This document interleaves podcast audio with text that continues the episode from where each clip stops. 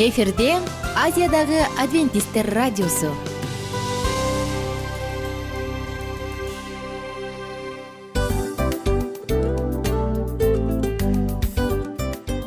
Достор салют.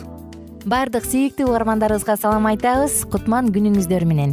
Ден соолук өмүрдүн булагы демекчи саламат саамы программасында баарыңыздарды көргөнүбүзгө абдан кубанычтабыз. Анда алгач амандашып өтөлү арбаңыздар деп. Ден соолугуңуздар кандай элибизде көбүнчө ден соолук кандай дегенде эле жакшы деп жооп беребиз э? ооруп турсак дагы жакшы дейбиз. Анан мен муну айтып ойлойт элем бул абдан сонун сөз депчи анткени бул жакшы деген үмүт да э ооба баары жакшы болот баары сонун. Деп үмүттөнүп атып эле өзүбүздү өзүбүз дарылап коебуз.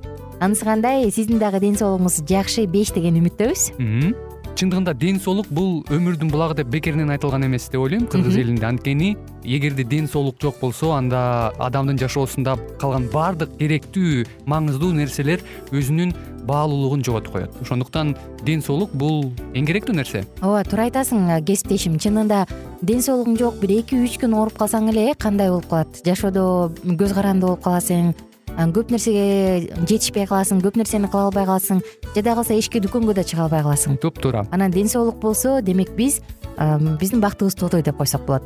Анда достор саламат саамы рубрикабызды баштайлы алдыда өзүңүзгө керектүү болгон сонун кеңештерди уга аласыздар. Мына ошондуктан биз менен бирге болуңуздар. Ал эми биз болсо милан жана айнура. Кеттик алга. Алга саламат саама ден соолуктун жарчысы. Саламат саама ден соолуктун ачкычы. Күн сайын сиз үчүн мыкты кеңештер сонун жаңылыктар кызыктуу фактылар биздин рубрикада.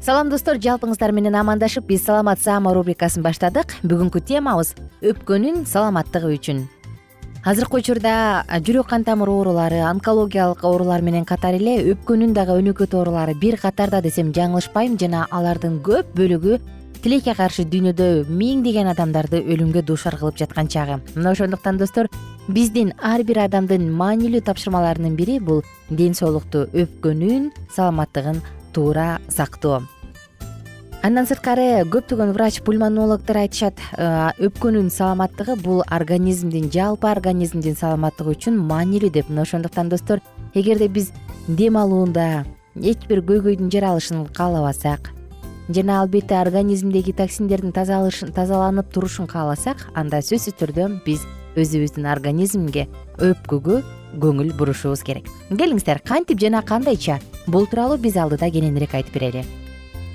өпкөнүн саламаттыгы үчүн кам көрүүнү кааласак биринчи кезекте эле доктурлар мындай деп кеңеш беришет. Чылым чегүүдөн баш тартыңыз деп. Анткени бул эң эле негативдүү таасир калтырган бирден бир сырткы көрүнүш. Эгерде сиз өзүңүздүн өпкөңүздүн оорушун каалабасаңыз бир жолубу күнүнө он жолубу он беш жолубу анын эч бир айырмасы жок. Сөзсүз түрдө. Дал ушул чылым чегүүдөн баш тартыңыз кандай гана дозада болбосун бирок өпкөнү өпкөгө сигареттин тамекинин түтүнүн толтуруу бул өпкөнгө ар кандай бир чоң көйгөйлөрдү пайда гана кылбастан рак ооруларын өнөкөт бронхитти эмфиземаны жана башка оорулардын баардыгын тең пайда кылып келет. Ошондуктан достор сиз өзүңүздүн саламаттыгыңызга кам көрүүнү кааласаңыз анда чылым чегүүдөн баш тартыңыз. Ошондой эле бир гана чылым эле эмес трубкалар бар э атайын чылымды сайып алып чеге турган дал ушундай трубкалардан ар кандай чылым чегүүчү аралашмалардан жана ушул сыяктуу баардык чылымга байланыштуу нерседен баш тартуу маанилүү. Эгер буга көңүл бурбаса астма фиброз жана башка андан дагы оор оорулардын баардыгы пайда кылат экинчи кезекте суук тийүүнү алдын алыңыз. Колуңуздан келишинче суук тийип сезгенип же болбосо грипп сасык тумоон жуктуруп алуудан сактаныңыз. Анткени мунун баардыгы тең бронхит жана пневмонияга айланып кетиши мүмкүн. Албетте сасык тумоону суук тийүүнү убагында биз байкабай айыктырбай калсак анда бул сөзсүз түрдө андан ары осложнение берет дагы чоң көйгөйлөр пайда болот. Үчүнчү кезекте таза аба менен дем алыңыз. Таза аба сигареттин тамекинин түтүнү жок химиялык кандай булганычтарга толбогон. Жана таптаза аба менен дем алыңыз. Мүмкүн болсо эгерде сиз чоң шаарларда жашасаңыз шаардын тургуну болсоңуз дем алыш күндөрдө жок дегенде шаардан сырткары чыгып таза аба менен дем алганга аракет кылыңыз. Үй курганда э, үйдө эмеректерди тандаганда үйдө ар кандай кооздоочу идиш аяк болобу майда чүйдө баардык баардык баардык нерсени тандоодо сиз сөзсүз түрдө анын болушунча табигый жаратылышына жакын болушун аракет кылыңыз. Дагы айта турган нерсе үйдө үй өсүмдүктөрүн өстүргөнгө аракет кылыңыз. Булар жөн гана кооздукту гана бербестен пайдалуу дагы. Мисалы лилия кытай баягы түбөлүк жашыл өсүмдүктөрү арча деп коебуз э булардын баардыгы тең абаны токсиндерден уулуу заттардан тазалайт. Ошондуктан буларды эшиктин алдына үйгө өстүрүп коюңуз дагы бир айта кетчү кеңеш муздак жана кургак абадан качыңыз. Колуңуздан келишинче бул нерседен качыңыз. Анткени муздак аба өпкөдө альвеолдордун жакшы иштешин жана өпкөнүн өзүнүн функциясын так аткаруусун бөгөт коюп коет. Ошондуктан мындай нерседен качыңыз. Колуңуздан келишинче аба дем алып жатканда мурун аркылуу дем алыңыз. Мурун аркылуу мурун аркылуу кирген дем өпкөгө жеткенче канчалык бир температурада керектүү өлчөмдө жылып калат жана достор терең терең курсак менен дем алыңыз. Жок дегенде күнүнө он жолу терең терең курсак менен дем алып коюңуз. Кичинекей балдарды илаарда көрдүңүз беле баягы курсагын кичинекей дөмпөйгөн ичинен дөмпөйдү чыгарып туруп анан бакырышат эмеспи чыңалып ошол сыяктуу диафрагма боор жакта төш жактагы баардык булчуңдар иштегендей кылып курсак менен терең терең жок дегенде он жолудан дем алып коюп туруңуз жана айта турган нерсе бул өзүңүздүн рационго көңүл буруңуз бета каротин көп пайдаланыңыз. Бул табигый пигмент саргыч жана сары түстөгү. Бул өзгөчө албетте мөмө жемиштерде жашылчаларда кездешет ошондой эле. Кочкул жашыл жалбырактуу өсүмдүктөрдү дагы жеңиз. Булар сабиз мангольд кызылчасы шпинат манго абрикос. Кадимки эле бизде эң аябай эле кеңири таралган өрүк ашкабак булар да бизде көп таттуу картошка батат деп коебуз. Ямс жана башка ушундай азыктарды көп жегенге аракет кылыңыз. Анткени сиздин жеген рационуңуз дагы сөзсүз түрдө сизге чоң таасир калтырат. Көбүрөөк брокколи жеңиз. Капустанын баардык түрүн көбүрөөк жегенге аракет кылыңыз. Анткени булардын баардыгы күчтүү антиоксиданттар рационуңузда продуктылар азык түлүктүн баардыгы цинк калий магнийге бай болушун көзөмөлдөңүз апельсин киви сыяктуу азыктарды жеңиз. Жана албетте достор көп суу ичиңиз. Анткени көп суу ичүү бул организмди шлактардан токсиндерден тазалайт дагы адамдын э, туура салмагын кармап жүргөнгө жардам берет. Жогорукулардын баардыгын айтып отуруп биз э, кыймылдаңыз деп дагы айтмакчыбыз тагыраак айтканда физикалык нагрузка болсун демек бул албетте бир нече саат бою спорт залда тренировка кылып машыгуу эмес. Жалпысынан кыймылдаңыз. Үй жыйнайсызбы эртең менен туруп алып көнүгүү жасайсызбы бийлейсизби үйдө же болбосо чуркаган дорожкада туруп алып чуркайсызбы кышкысын балким лыжа тебесиз жайында балким туруп походторго барасызбы айтор. Мунун баардыгын бириктирип негизгиси активдүү жашоо менен жашаганга аракет кылыңыз. Достор биз айтып жаткан баардык нерсе бул э, аябай чоң күч талап кылбайт кечинде жумуштан келгенден кийин деле эртең менен же болбосо он мүнөт беш мүнөт көнүгүү жасоого көңүл буруп койсоңуз бул сиздин эле саламаттыгыңызга пайдалуу. Мына ошондуктан өпкөңүздүн саламаттыгына кам көрүңүз. Анткени дагы бир жолу эске салсак ал болгону гана биздин организмди кислород менен камсыздап дем албастан организмде уулуу токсиндердин жетимиш пайызын тазалайт жана албетте достор жүрөк үчүн дагы коргоочу функцияны аткарып келет. Оорубаңыздар уртуңуздардан жылмаюу кетпесин бактылуу болуңуздар. Адамдын бактылуулугу үчүн ден соолук дагы эң биринчи орунда турат эмеспи. Ошондуктан өзүңүздүн колуңуздагы байлыкты барктаңыз жана сактаңыз. А мен болсо сиздер менен кийинки уктуруулардан амандашам. Күнүңүздөр көңүлдүү улансын саламат саама ден соолуктун жарчысы. Саламат саама ден соолуктун ачкычы. Күн сайын сиз үчүн мыкты кеңештер сонун жаңылыктар кызыктуу фактылар биздин рубрикада. Салют замандаштар баарыңыздарга ысык салам. Дил маек программабызга кош келиңиздер. Дил маек рубрикасы дегенде эле бул эмне болгон дил маек ким менен маектешебиз деп сурайт болуш керек угармандарыбыз бул рубриканы кыскача тааныштыра кете турган болсок ар тарап кесип ээлеринен болгон сонун интервью кеңештер бар. Ооба. Жылдыздар менен болгон маек бар. Аталарыбыздын агаларыбыздын чоң аталарыбыздан сонун кеңештер бар. Ошондой эле эже сиңдилердин кеңештери бар айтор. Баардык кызыктардын баары алдыда. Негизи эле адам баласы бир кимдир бирөөнө ишенип сырын ачкысы келет эмеспи э мындай баарлашууга жакын келебиз го. Албетте. Негизи бир жерге отуруп алып кенен шашпай баягы жүрөктөн жүрөккө ачып сырларыбызды ар кандай көйгөйлөрүбүз менен бөлүшүп баягы чын жүрөктөн маек курганды кимибиз сүйбөйбүз э? Ооба десең ал нерсеге суусап да келебиз да? Ооба кээ бирде адамга чындыгында баягы э, ысык маек баягы жылуу маек жетишпейт да. Ошондуктан биз ушул рубриканы ойлоп тапканыбызда эң биринчи эле достор сиздер менен чын жүрөктөн бир маңыздуу темаларды козгоп кеткени э, кааладык. Ошондуктан ушундай сонун бир рубриканы тартуулап жатабыз. Анын үстүнө радио дагы сонун дос да анткени э, мындай учурда досуңа айтсаң досуң досуна айтат досу досуна айтат да анан бүт өлкө билип калышы мүмкүн го. А радио болсо сени сатпаган сенин айыбыңды ачпаган сенин сырыңды эч кимге айтпаган сонун дос. Мына ошондуктан биздин алдыдагы айта турган кеңештерибизди биздин досторубуздун кеңештерин угуп анан ал жака пикириңизди дагы калтырып кайрадан биз менен байланышсаңыздар болот деги эле жашооңузга эгерде кичине болсо дагы өзгөрүү алып моралдык жактан нравовик жактан сонун бир кеңештерди алсаңыз демек биз максатыбызга жеттик. Ооба.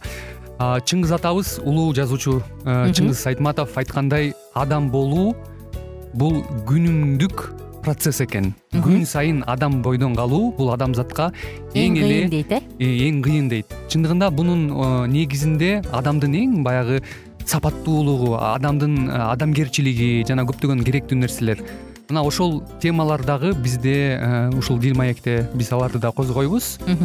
Ден соолук жөнүндө дагы сүйлөшөбүз. Сөзсүз түрдө анан милан мырза негизи айтып коюшат го. Биз көбүнчө эмнени ойлонсок? Ошол нерсеге карата иш кылабыз го. Ооба. Анан анысы кандай? Балким бул радио баракчада кимдир бирөөнүн оюн текшергенге жардам берет кимдир бирөөнүн жүрөгүн текшергенге жардам берет.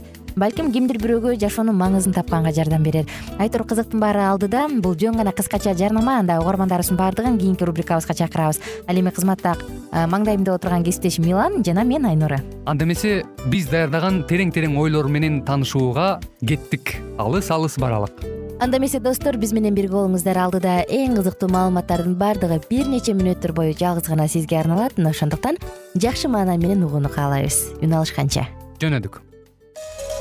Ар түрдүү ардактуу кесип ээлеринен алтын сөздөр жүрөк ачышкан сыр чачышкан сонун маек дил маек рубрикасында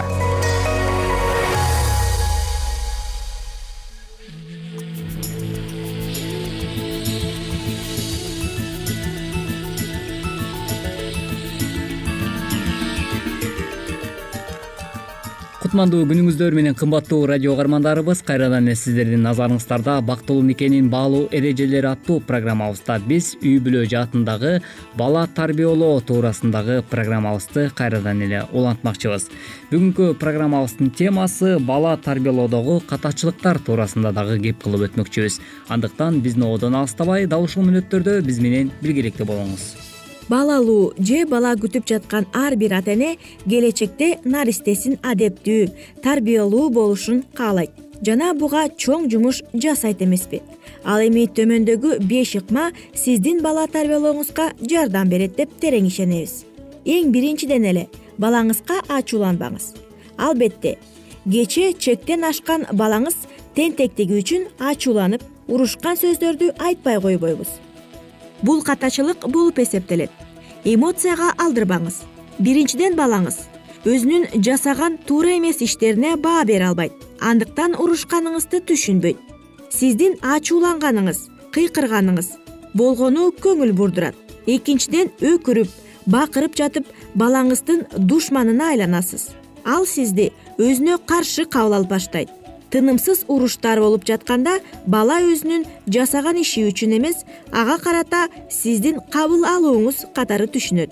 Демек урушуп тарбиялооңуз келечектүү жана натыйжалуу эмес. Балага катуу үн чыгарбаш керек. Сабырдуу жумшак мээримдүү болуңуз.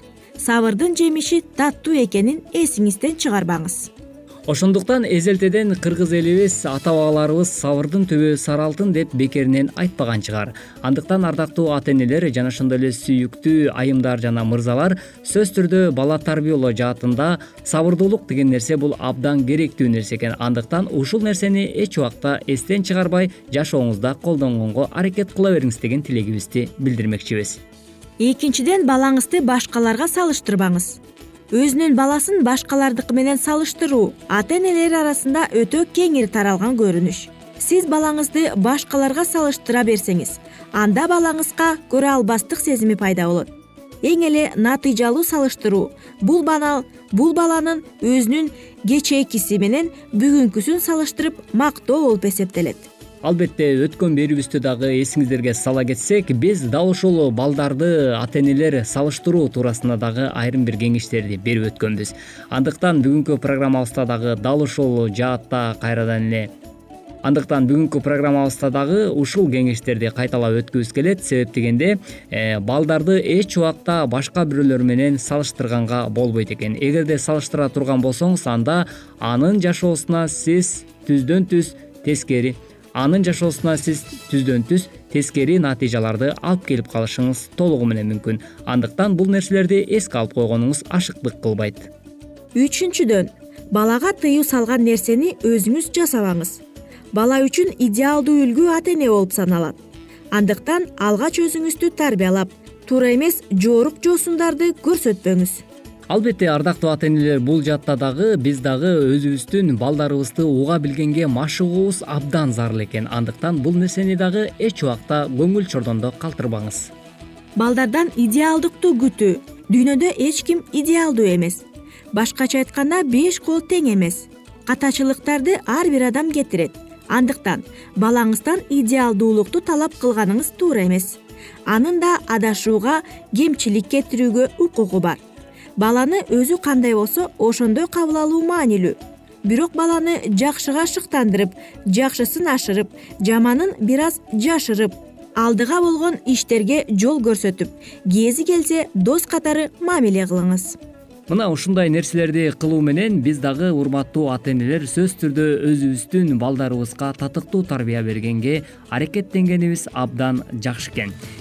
Бөбөктү тургузуш үчүн көп аракет жумшаш керек биринчи аны эмизген жана жалаяк жана шым алмаштырган кийиндирген түйшүккө толгон күндөр жана уйкусуз түндөр келет. Кечке жуук чарчаган буттарыңыз ооруйт. Андан кийин сүйүктүү баланы кайсыл бала бакчага жана мектепке берем деп башыңызды катырасыз. Балаңыздын чоңоюшу менен кошо келген көйгөйлөрдү чечиш керек болот. Алар оору өтмөй жаш мүнөздөрдүн калыптанышы жана башкалар. Балдар бул мындайча айтканда сиздин көп убакытка созулган келечекке салымыңыз. Баланы тарбиялоо анын ден соолугу жана жалпы өөрчүүсү күйөөңүзгө караганда сизден көбүрөөк көз каранды. Анткени сиз болгон убактыңызды аны менен өткөрөсүз. Күйөөңүзчү. Күйөөңүз иштейт жана ал бөбөктү караганга жардам берсе бул жакшы андан башка балалуу болгондугуңузда. Сиз жок дегенде эки үч жылга жумушка досторуңуздун жашоосунда болгон нерселерден бөлүнүп каласыз. Ал эми экинчи үчүнчү балалуу болсоңуз анда бул убакыт беш алты жыл болуп созулуп кетет. Анын чөйрөсү кандайдыр бир деңгээлде үй бүлөңүзгө таасир берет. Эгерде анын үй бүлөнү жана сизди баалаган чыныгы достор бар болсо бул сонун. Ал эми жок болсочу күйөөңүз үй бүлөнү биринчи орунга койбосо анда бул чоң көйгөй жарата турган нерсе. Бул сиздин жашооңуздагы өзгөчө учуру. Кубаныч жана бакыт менен бирге жоопкерчиликтер да көбөйөт. Демек ушундай эле максаттарды көздөө менен биргеликте ар бир эле үй бүлө өзүнүн балдарына татыктуу тарбия бергенге аракеттенип келет эмеспи. Андыктан мына ушундай аракетиңизден ар дайым жазбаңыз деген тилек менен бизге бөлүнгөн убакыт дагы өз соңуна келип жетип калды. Ардактуу угармандарыбыз бүгүнкү программабыздын чыгарылышында дагы сиздер бала тарбиялоодо бир нече каталарга жол бербөө жаатындагы темага назар сала алдыңыздар кайрадан эле биз сиздер менен дал ушул аба толкундан үн алышканча ар бириңиздердин үй бүлөңүздөргө аманчылык кааламакчыбыз. Жамандан алыс болуп жакшыга жанаша бериңиздер деген тилек менен программабыздын көшөгөсүн жапмакчыбыз. Кийинки берүүдөн дал ушул ободон үн алышканча сак саламатта болуңуздар. Ар түрдүү ардактуу кесип ээлеринен алтын сөздөр жүрөк ачышкан сыр чачышкан сонун маек дил маек рубрикасында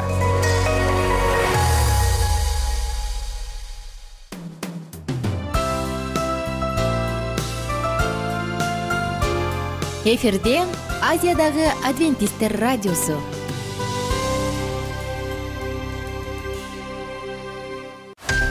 Жан дүйнөңдү байыткан жүрөгүңдү азыктанткан жашооңо маңыз тартуулаган жан азык рубрикасы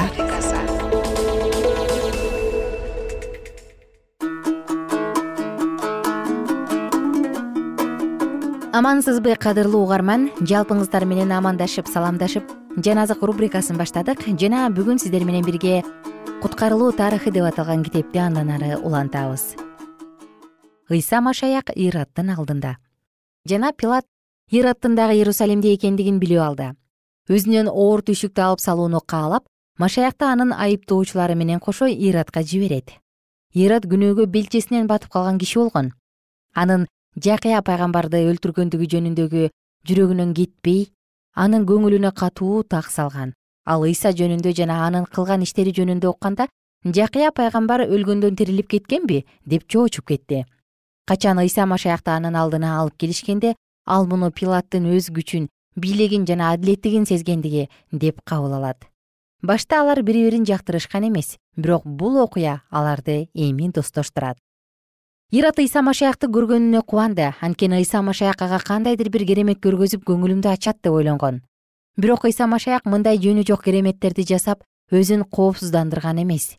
Ал өзүнүн кудуреттүү кереметтерин башка адамдарды куткаруу үчүн пайдаланган бирок өзүнүн кызыкчылыгын ойлонбогон. Ираттын көп сандаган суроолоруна ыйса машаяк өзүн айыптаган адамдарга жооп кылгандай үн катпоо менен жооп берди. Ыйса машаяктын өзүнөн коркпой тургандыгы ираттын каарын келтирди. Жана ал өз жоокерлери менен куткаруучуну шылдыңдашып аны мазактай башташты. Бирок ыйса машаяктын шылдыңдоолорду укса дагы солк этпеген келбетин карап туруп ага таң берди. Ират дагы ага өкүм чыгаруудан коркуп кайрадан аны пилаттын алдына жиберет. Шайтан жана анын шабырлары пилатты ыйса машаякты өлтүрүп тынууга мажбурлашты. Эгер ал бул өкүмдү чыгарбай турган болсо анда ал өкүмдү баары бир башка адам чыгарарын ыйса машаякты өлтүрүшөт. Бирок сен бул өзүмчүл адамды жактаганың үчүн өзүңдүн жердеги даражаңды жоготосуң деп тукурушту өзүнүн жердеги даражасын жана бийлигин жоготуп коюудан коркуп пилат ыйса машаякты өлүм жазасына кыюуга уруксат берет.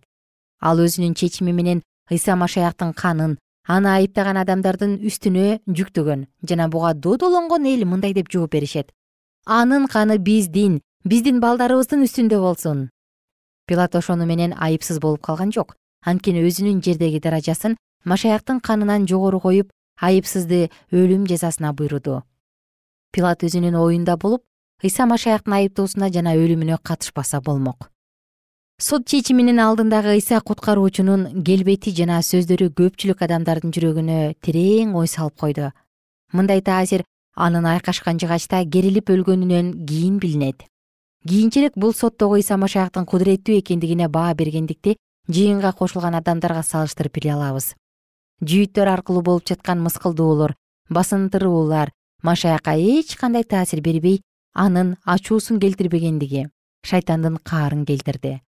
Машаяк адамдын кебин кийсе дагы аны кудуреттүү күч жана бекемдик кармап турган жана ал кудай атанын эркинен эч жакка бурулган эмес. Машаякты айкаш жыгачка берүү машаякты кудайдын сүйүктүү куткаруучусун тышка чыгарышты дагы керип өлтүрүүгө тапшырып беришти. Шакирттер жана ага ишенген айланадагы башка адамдар ыйса машаякты өлтүрүү үчүн бара жатышкан галгофа деген дөңсөөнү көздөй эл менен кошулуп жөнөштү. Алардын арасында ыйса машаяктын энеси дагы болгон аны жакан деген ыйса машаяк жакшы көргөн шакирти колтуктап бара жатты эненин сай сөөгү сыздап зыркыраганын айтуу кыйын. Бирок ал дагы шакирттер сыяктуу эле ыйса машаяк өз кудурет күчүн көргөзүп алардын колунан бошонуп кетет деген үмүттө болду. Бирок анын ушул күнү эмне боло тургандыгын кыскача айткан сөздөрү эсине түшкөндө анын эне жүрөгү кайрадан букка толот. Ыйса машаякты пилаттын сарайынын дарбазасынан алып чыгышаары менен. Анын жараланып кан аккан ийнине вараба деген каракчыга даярдалган дөңгөч жыгачты арта салышты. Варабанын шакирттерин дагы ыйса машаяк менен бирге жазалашмак жана ошондуктан алардын үстүнө дагы айкаш жыгачты артып коюшту. Куткаруучу машаяк өз айкаш жыгачын көтөрүп бара жатып кансырагандыктан көңүлү караңгылап жерге кулап түшөт. Машаяк кайрадан кичине эсин жыйса эле кайра анын ийнине айкашкан жыгачты салышып алдыга басууга зордошот ошентип акыры машаяк эсин жоготуп жыгачы менен кошо кулап түштү. Жана өлүк сыяктанып жатып калгандыктан аны баардыгы өлүп калса керек деп ойлошту. Бирок ал кайрадан көзүн ачып турууга алы келбей калган. Дин кызматчылар менен башчылардын өз курмандыгына кичине дагы боору ооруп койгон жок. Бирок анын айкашкан чоң дөңгөчтү көтөрө албай калгандыгын түшүнүштү. Алар жыгачты көтөрөтө турган адам карап жатышканда алардын жанында киринеялык шымон деген киши турган. Жана дин кызматчылары аны көргөзүшөрү менен кармашып келишип аны машаяктын айкаш жыгачын көтөрүүгө зордоп мажбурлашты. Шымондун уулдары машаяктын окутуусун карманышкан бирок шымон өзү машаяктын шакирти эмес эле. Ыйса машаяктын артынан ээрчип бара жатышкан адамдар аны шылтыңдап күлүп жатышты. Бирок алардын арасында машаяктын кылган жакшылыктарын эстешип ыйлаган адамдар дагы болгон өздөрүнүн ар кандай дартынан машаяк аркылуу сакайышып өлгөндөн ал аркылуу тирилгендер анын керемет иштерин даңазалашып ал эмне күнөө кылды? Эмнеге аны менен каракчыга мамиле кылгандай мамиле кылып жатасыңар? Дешип кыйкырып бара жатышты. Бул додолонгон адамдар бир канча күн мурда эле ал иерусалимге кирип келе жатканда асанна деп пальма бутактарын алышып машаякты шаңдуу үндөр менен коштоп жүрүшкөн. Анда баардык адамдар ошентип жатышкандыктан көпчүлүгү аларга кошулушуп аны даңазалашты азыр болсо башкаларга кошулушуп аны керип ташта керип ташта! деп кыйкырышты. Айкаш жыгачка кадалган айыпталган адамдарды өлүм жазасын көтөрө турган жайга алып келишип ар бирин айкаш жыгачтын жанына чакыра башташты.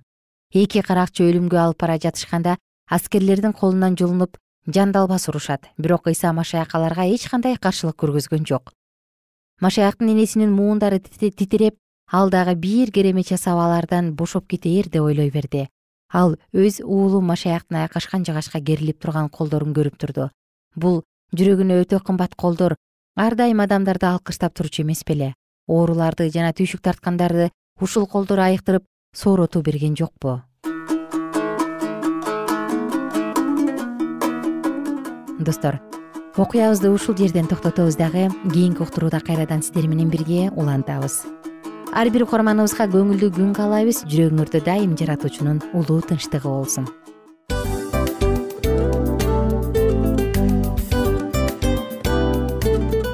Мына ушинтип убакыт дагы тез өтүп кетет экен. Биз дагы радио уктуруубуздун аягына келип жеттик келип кубандырдыңар эми кетип кубандыргыла деп тамашалап калышат эмеспи анысы кандай?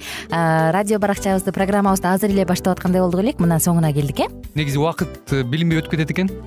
Мен дагы убакыт дегенде бүгүн бир адам менен сүйлөшүп калдым. Анан убакыт бул мүмкүнчүлүк деп айтып өзүмө өзүм айтып алып анан мага өзүмө эле кайра ачылыш болду да чын эле Э, карап отурсаң ошол эле жыйырма төрт саат ошол эле жарым саат кайталанып атат. Бирок сендеги мүмкүнчүлүк жок ошол кой берилип кетти? Анысы кандай? Бүгүнкү сонун убактыңызды алтындай болгон жарым саатыңызды бизге бөлүп арнаганыңыз үчүн ыраазычылык айтабыз анан жашооңуздун кайсы бир сферасын өзгөртө турган сонун пайдалуу кеңеш алган болсоңуз анда биз максатыбызга жеттик. Анан ушул нерсени кылбасам десеңиз ошол өзгөрүүлөрдү кичинекей кадамдардан баштап иш жүзүнө ашырыңыз дагы жашооңузда чоң чоң ийгиликтерге жетиңиздер. Чын жүрөктөн ар бир берилген кеңештер сөздөр сиздерге пайдасын алып келет деп ишенебиз жана кийинки уктурууларда сөзсүз түрдө чыдамсыздык менен сиздерди күтөбүз сагынычтуу салам айтып кайрадан дал ушул жыштыктан баардыгыңыздарды тосуп алгынча кызматта мен айнура жана кесиптешим милан анда кол пул каалайбыз жалпыңыздарга ийгиликтүү күн. Саламатта калыңыздар